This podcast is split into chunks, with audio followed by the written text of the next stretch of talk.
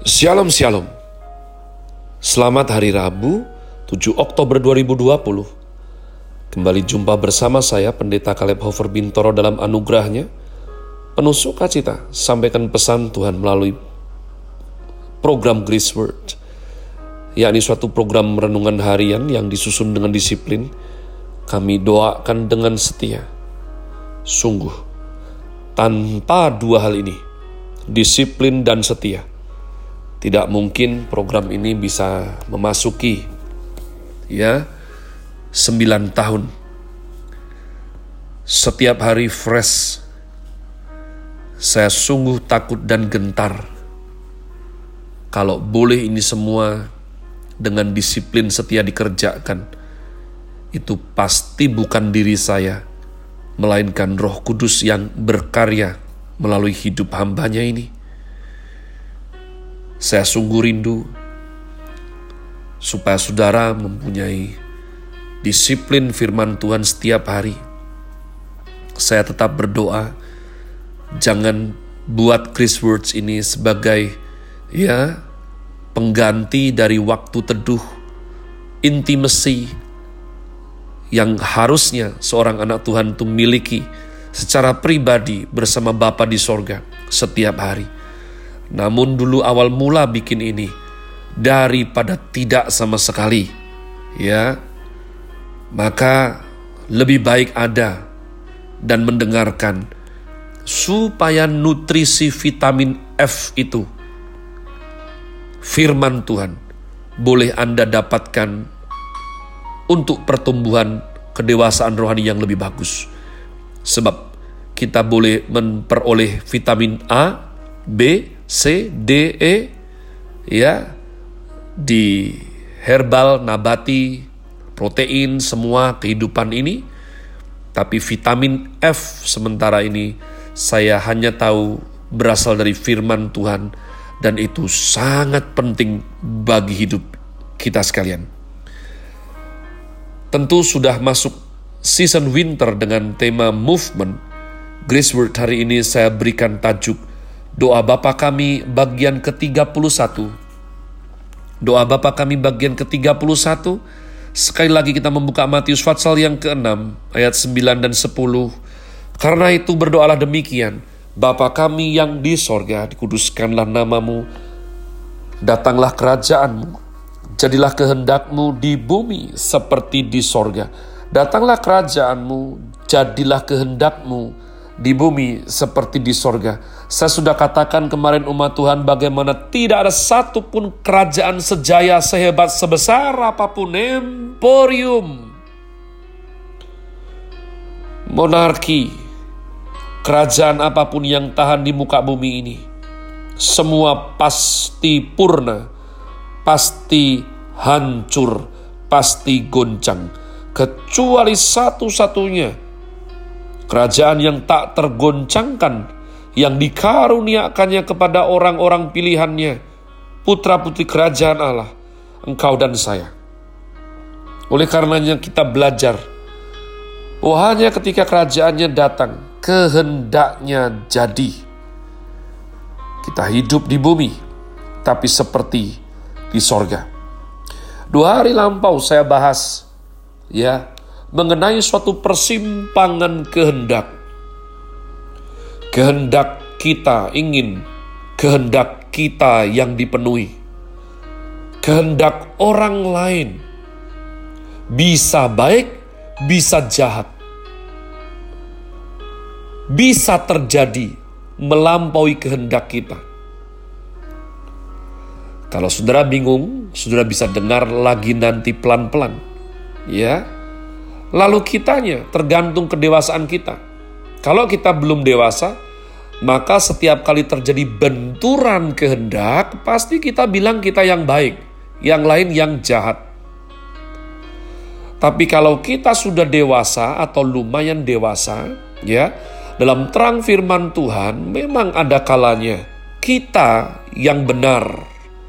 Kehendak orang lain atau pihak lain yang salah.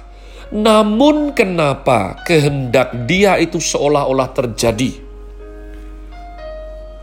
Kehendak kita tidak. Di titik inilah kita baru berpaling kepada Tuhan. Tuhan, kenapa Tuhan diam? Kenapa Tuhan biarkan dia seolah-olah maunya yang jahat itu yang terjadi? Maka ini menjadi suatu topik apologetika yang tiada habis-habisnya. Ya, C.S. Lewis membahasnya, John Piper mengkhotbahkannya, dan Mr. Ravi Zacharias. Saya pernah ikut dua kali seminar yang begitu indah, begitu membukakan daripada wawasan rohani saya, di mana tajuknya daripada orang-orang hebat yang saya belajar banyak ini, kira-kira judulnya sama. Kalau Tuhan itu baik, kenapa hal-hal buruk terjadi pada orang baik? Saya ulang, kalau Tuhan itu baik, kenapa hal-hal buruk terjadi pada orang baik. Kenapa hal-hal baik terjadi pada orang buruk? By the way, saya tidak sedang bahas itu. Kita akan tajam membahas mengenai kerajaan Tuhan datang. Kehendaknya jadi Tuhan. Saya sungguh rindu kehendakmu jadi. Kenapa seolah Tuhan diam? Kenapa manusia berbuat dosa sekejam itu? Kenapa engkau seolah diam? Tuhan Yesus, engkau jelas dicurangi oleh imam besar Kayafas. Engkau sudah jelas Pilatus bilang kamu tidak bersalah. Kenapa kamu diam? Kenapa Tuhan tidak membela dirinya sedikit pun? Kenapa Tuhan tidak mendatangkan api seperti Sodom dan Gomora? Kenapa Tuhan seolah tidak berdaya? Ya, seperti anak domba yang dituntun pada penyembelihan. Pak, itu kan karya salib, Pak. Berbeda sekali. Yang sedang saya bahas ini ada di perjanjian lama, ada di perjanjian baru, di luar karya salib. Ya, walaupun tertatih-tatih saya sudah belajar. Pada waktu Allah berinkarnasi menjadi manusia, Tuhan Yesus menjadi anak domba yang sempurna untuk dikorbankan supaya darahnya menebus dosa umat manusia. Tapi bagaimana setelah di luar karya salib? Note, tidak ada yang di luar karya salib umat Tuhan. Tapi engkau selalu mengerti, banyak orang Kristen yang maunya belajar setengah-setengah dan hanya memenuhi rasa puas penasaran diri sendiri. Tidak mau belajar paket komplit untuk mengenal Tuhan lebih dalam, yang berarti adalah tidak tergesa-gesa, ya, mau bertumbuh setiap hari dan juga mengenal serta menyembah Tuhan dalam roh dan kebenaran.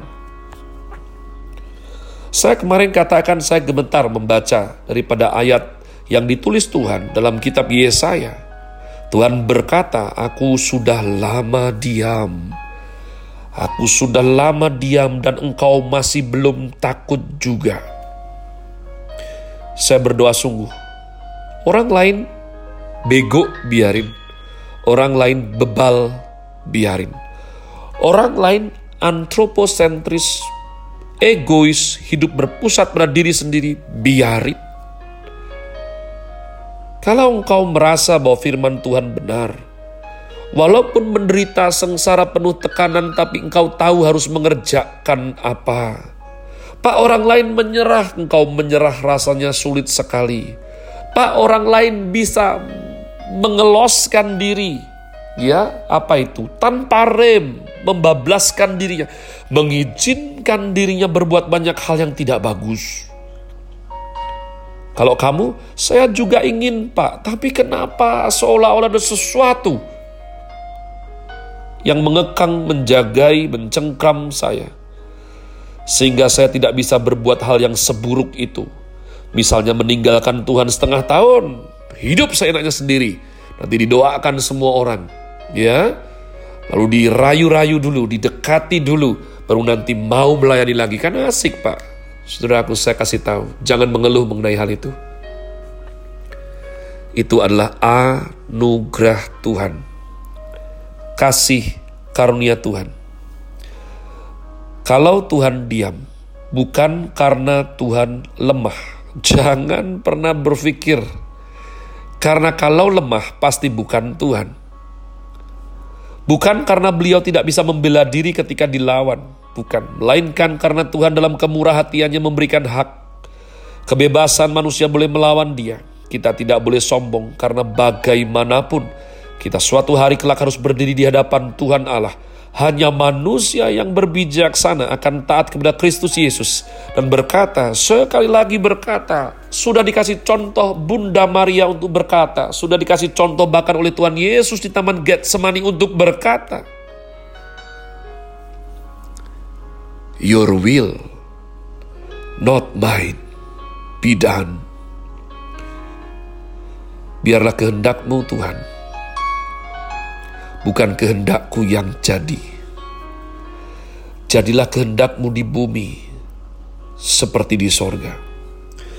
Setiap kali saya tertekan, setiap kali saya rasa mau memberontak, setiap kali saya iri kepada orang fasik yang hidupnya seolah baik-baik saja.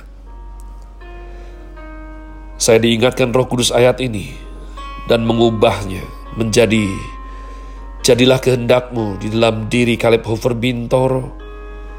Seperti dalam kekekalan kehendakmu terjadi di sorga.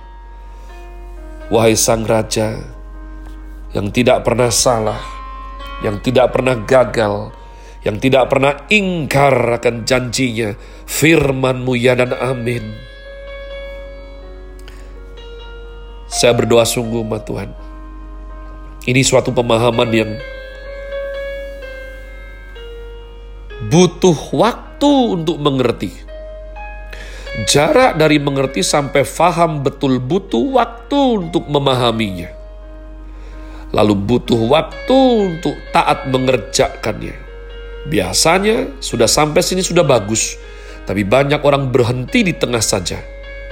Hanya pertolongan daripada Dunamos, Parakletos Roh Kudus, pertolongan daripada kasih karunia anugerah Tuhan, itu boleh menghantar kita untuk setia sampai akhir, sampai hasilkan buah yang permuliakan Bapa di sorga. Have a nice day. Tuhan Yesus memberkati saudara sekalian. Sola. Grazie.